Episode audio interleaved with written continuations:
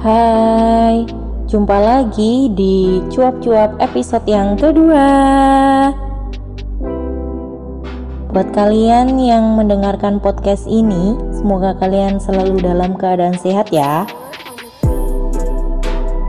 Oke, di episode kali ini aku akan jawab Q&A yang kemarin udah aku share di IG story. Ya, yang nanya teman-teman aku aja sih. Oke langsung aja. Pertanyaan yang pertama dari Ahmad Ulil Absor underscore. Apa pengalaman paling menyenangkan dan menyedihkan? Kalau pengalaman yang menyenangkan itu ada banyak ya. Mungkin yang masih beberapa tahun ini adalah ketika aku bisa wisuda tepat waktu. Uh, Itu adalah hal yang diinginkan orang tua.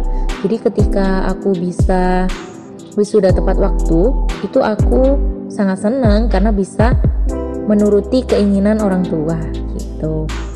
Kemudian pengalaman paling menyedihkan adalah ketika kehilangan, cilah, kehilangan pas lagi sayang-sayangnya. enggak, enggak, enggak, enggak. Kehilangan orang yang disayang. Itu maksudnya. Kemudian sama ketika aku mempunyai penyakit. Jadi waktu kecil itu aku punya tai lalat. Tai lalatnya itu semakin aku dewasa ikut gede gitu. Dan ketika periksa ke dokter beliau bilang kalau itu adalah tumor jinak dan harus dioperasi.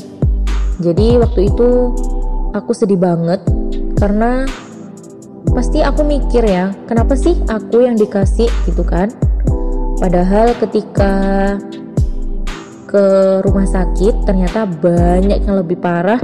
Dan di situ aku akhirnya alhamdulillah dan bersyukur ternyata uh, penyakit itu hanya segini gitu kan. Jadi waktu mau operasi itu adalah hal yang menyedihkan menurut aku Selanjutnya dari Diki underscore Lukiansah Gimana cara menyikapi pandangan orang tentang keterlambatan studi kita? Mungkin banyak orang yang tidak tahu atau tidak menghiraukan ya bahwasanya zona waktu orang itu berbeda-beda. Bisa jadi uh, dia yang udah lulus duluan tapi ternyata lama dapat pekerjaannya. Atau orang-orang yang belum lulus itu ternyata dia karena bekerja dan yang masih banyak lainnya Terus orang-orang itu nggak tahu usaha kita ya, gimana usaha kita garap skripsi, bimbingan, kemudian dosennya susah dicari. Mereka itu nggak tahu. Mungkin yang perlu kita garis bawahi, kita itu nggak usah menghiraukan apa kata orang. Fokus pada dirimu sendiri. Tapi jangan lupa kita juga harus introspeksi diri. Apa sih yang bikin kita itu terlambat? Studi kita kita nggak lulus lulus gitu. Dari introspeksi diri itu kita bisa membuat kiat-kiat gimana caranya kita bisa cepet-cepet lulus. Kemudian jangan lupa tunjukkan pada mereka juga bahwasanya kita punya apa ya namanya power atau kelebihan yang lainnya gitu misalkan kita terlambat di studi tapi tunjukkan apa nilai lebih yang kamu punya itu jadi biar orang itu nggak mandang sebelah mata. Selanjutnya, pertanyaan dari Ramaza underscore Diva. Pertanyaan pertama, ya opo carane manage perasaan? Secara kita ini cewek gampang baper. Emang cewek gampang baper ya? Mungkin yang perlu kita lakukan adalah bersikap bodoh amat. Karena kita harus tahu mana yang harus kita pikirkan dan tidak. Kalau semuanya kita pikirkan, kita akan capek sendiri. Jadi, bersikap bodoh amat itu kadang perlu ya untuk agar tahu kita itu mana yang harus dipikirkan dan mana yang tidak. Kemudian yang kedua itu kita harus menyamakan antara logika dan hati. Jadi, coba deh ketika kita hatinya agak uh, mulai baper itu coba logikanya dimainkan. Jadi agar logika dan hati itu balance. Jadi kita tuh bisa mengatur gitu kalau uh, ada sih quote quotes itu ya jangan mudah baper emang yang punya perasaan elu aja pertanyaan kedua pengen berbuat kebaikan banyak tapi kadang terbatas dengan kemampuan dan kondisi sebenarnya semua orang itu bisa ya melakukan kebaikan maksudnya bisa bisa dakwah yang pertama harus dilakukan adalah memulainya, ya, dengan memulai maka akan berlanjut. Nah, dengan berlanjutnya itu jangan lupa untuk terus belajar. Jadi uh, sambil memulai, sambil terus belajar untuk menaikkan kapasitas kita. Kalau kita mau berbuat kebaikan, terus kita nggak punya skill atau kita nggak punya uh, kemampuan, ya terus apa yang mau kita kasih gitu kan kepada orang lain? Gitu. Selanjutnya dari Habib Yulianto, kalau ada dua pilihan, wanita karir atau ibu rumah tangga, kamu pilih mana dan apa alasannya? Uh, Sebenarnya dua-duanya ini adalah hal yang aku pengenin sih. Maksudnya kalau jadi wanita karir ya nggak apa-apa, asalkan tidak meninggalkan tugas sebagai seorang ibu. Dan ketika kita jadi ibu rumah tangga juga nggak apa-apa. Uh, yang penting kita itu masih bisa tetap berkarya gitu kan jadi kalau kata dosenku dulu uh, suami istri itu ibarat dua keran air kalau keran air satunya nyala satunya mati otomatis yang nyala lancar kan hanya satu. Jadi itu ibarat uh, suami istri yang istrinya bekerja di rumah. Uh, kemudian juga ibarat kalau dua-dua kerannya nyala itu akan airnya mengalirnya sama. Yaitulah ibarat Rizky uh, suami istri itu tetap aja 100% gitu meskipun mau uh, jadi ibu rumah tangga ataupun wanita karir yang bekerja gitu kan. Kalau aku pribadi ya ikut apa kata suami dong.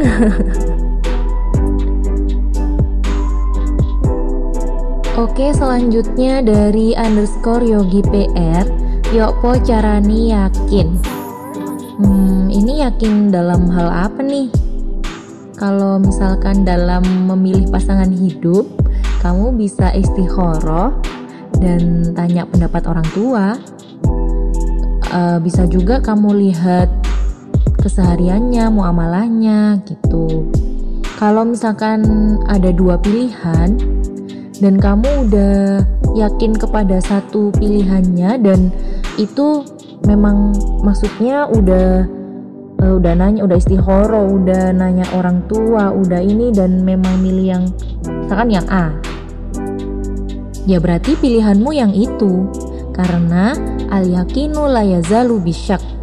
Jadi keyakinan tidak bisa dihilangkan dengan keraguan. Jadi kalau kamu udah yakin yang itu ya lanjut. Gitu.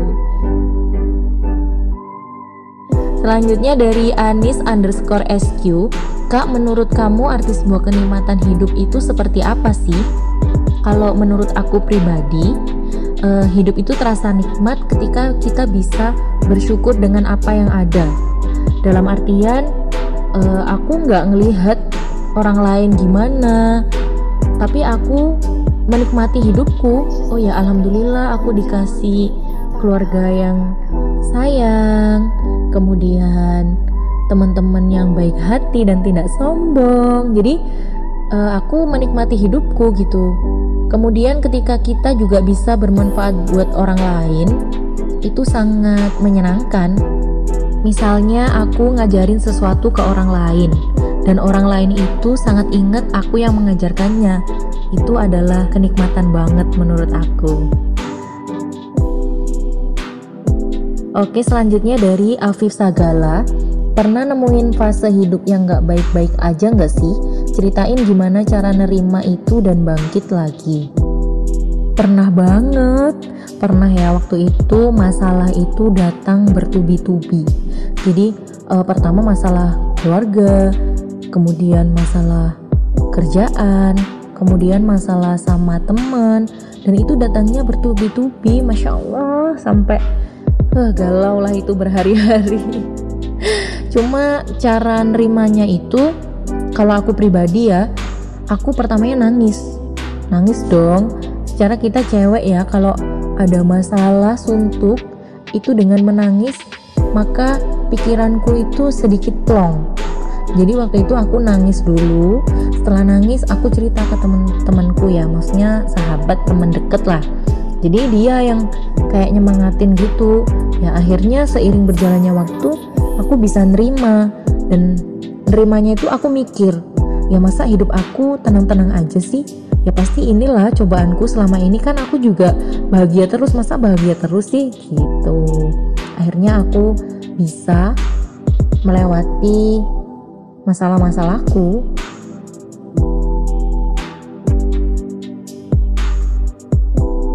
Selanjutnya dari Eko Yulianto, apa makna pulang ke rumah untukmu? Uh, pulang ke rumah itu adalah hal yang sangat ditunggu-tunggu ya, karena ya selama ini dari lulus SD aku udah nggak di rumah, tinggal di pesantren. Uh, terus setelah itu aku di kos karena kuliah kan. Nah sekarang aku di pesantren lagi. Jadi pulang ke rumah itu adalah hal yang sangat ditunggu-tunggu karena di rumah itu adalah tempat berbagi kehangatan terus bisa ngobrol bareng sama keluarga itu uh, nikmat banget kan?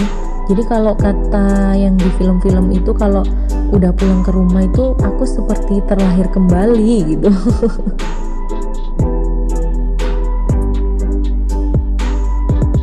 Selanjutnya dari Nabila underscore Mita Kupas tuntang bullying dong dek. Loh kok dek? Iya ini adalah sepupu aku e, Mungkin kalau bullying bisa di next episode ya Karena ini penjelasannya panjang kali lebar. Ternyata teman-teman aku pada antusias ya buat ngajuin pertanyaan. Terima kasih buat kalian. Oke lanjut, pertanyaan dari underscore Eka Ismaya.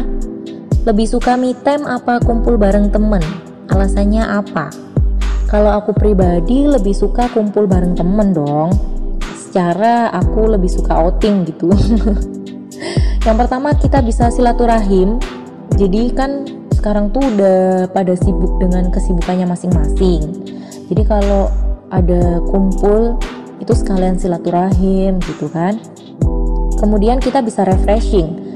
Yang biasanya sumpet dengan kegiatan rutinitasnya itu bisa dijadikan refreshing kumpul bareng temen tuh karena kita bisa sharing uh, sharing bisa tukar pikiran atau cerita pengalaman yang itu bisa memberi masukan atau pelajaran hidup buat kita gitu.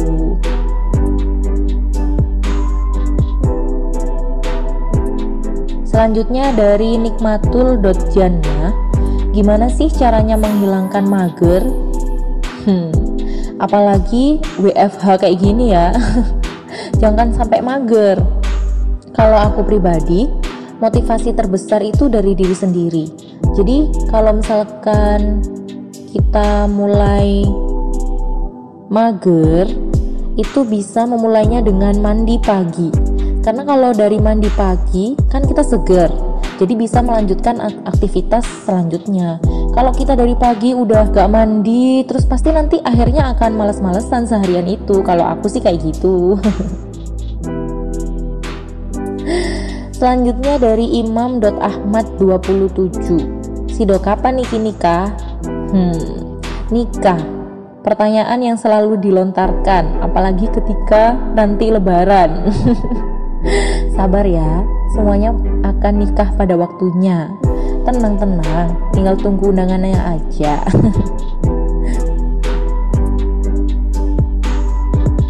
Selanjutnya dari Ridho Amali, gimana cara mengetahui bahwa dia orang yang tepat? Ini apa nih? Dalam arti apa nih? Pasangan hidup kah? Kayaknya iya deh. Kalau menurut Islam, kamu lihat agamanya ya kan pasti udah tau lah ya hadisnya mungkin kamu juga bisa lihat dari muamalahnya dia akhlaknya dia kesehariannya dia teman-temannya dia gitu e, kamu juga lihat dia cocok nggak jadi ibu dari anak-anakmu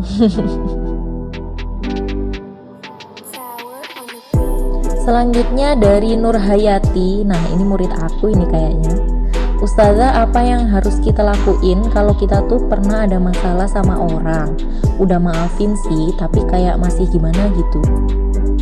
Hmm, aku pribadi pernah ngalamin sih ini. Jadi sempat ada gesekan sama temen, kemudian jadi nggak enak nggak enakan gitu kan?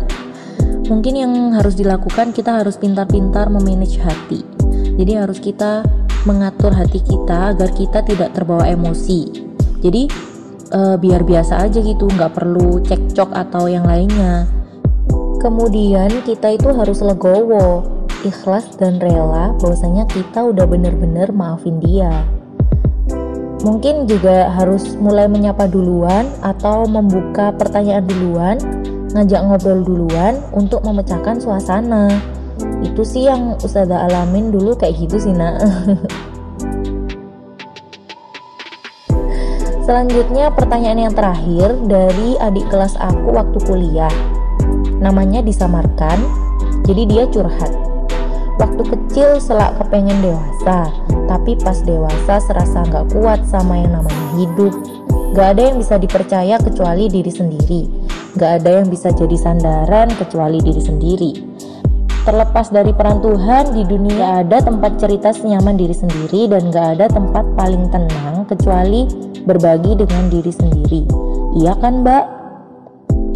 Kalau aku baca dari curhatannya ini, sepertinya dia pernah dikecewakan.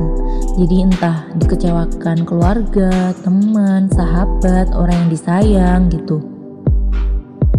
Ya kalau aku pribadi sih yang terpenting dalam hidup ini ya Tuhan, diri sendiri, keluarga. Karena al-insanu madaniyun bitobai. Jadi manusia itu adalah makhluk sosial. Ya kalau misalkan kita ada apa-apa, terus siapa lagi kalau nggak keluarga ya kan? Mungkin yang perlu dilakukan adalah mencari kesibukan agar mendapatkan kebahagiaan. Jadi nggak nggak terlalu dipikirkan gitu uh, kita melakukan apa yang menjadi tugas kita dan kita harus menguatkan hati kita sendiri ya Oke, mungkin dari beberapa pertanyaan ini ada pengalaman yang sama yang pernah kalian rasakan. Semoga jawabannya menjadi pandangan atau masukan ya untuk diri kita. Mungkin cukup sekian cuap-cuap dari aku. Semoga menjadi celotehan yang bermanfaat. Sampai ketemu di episode selanjutnya. Dadah.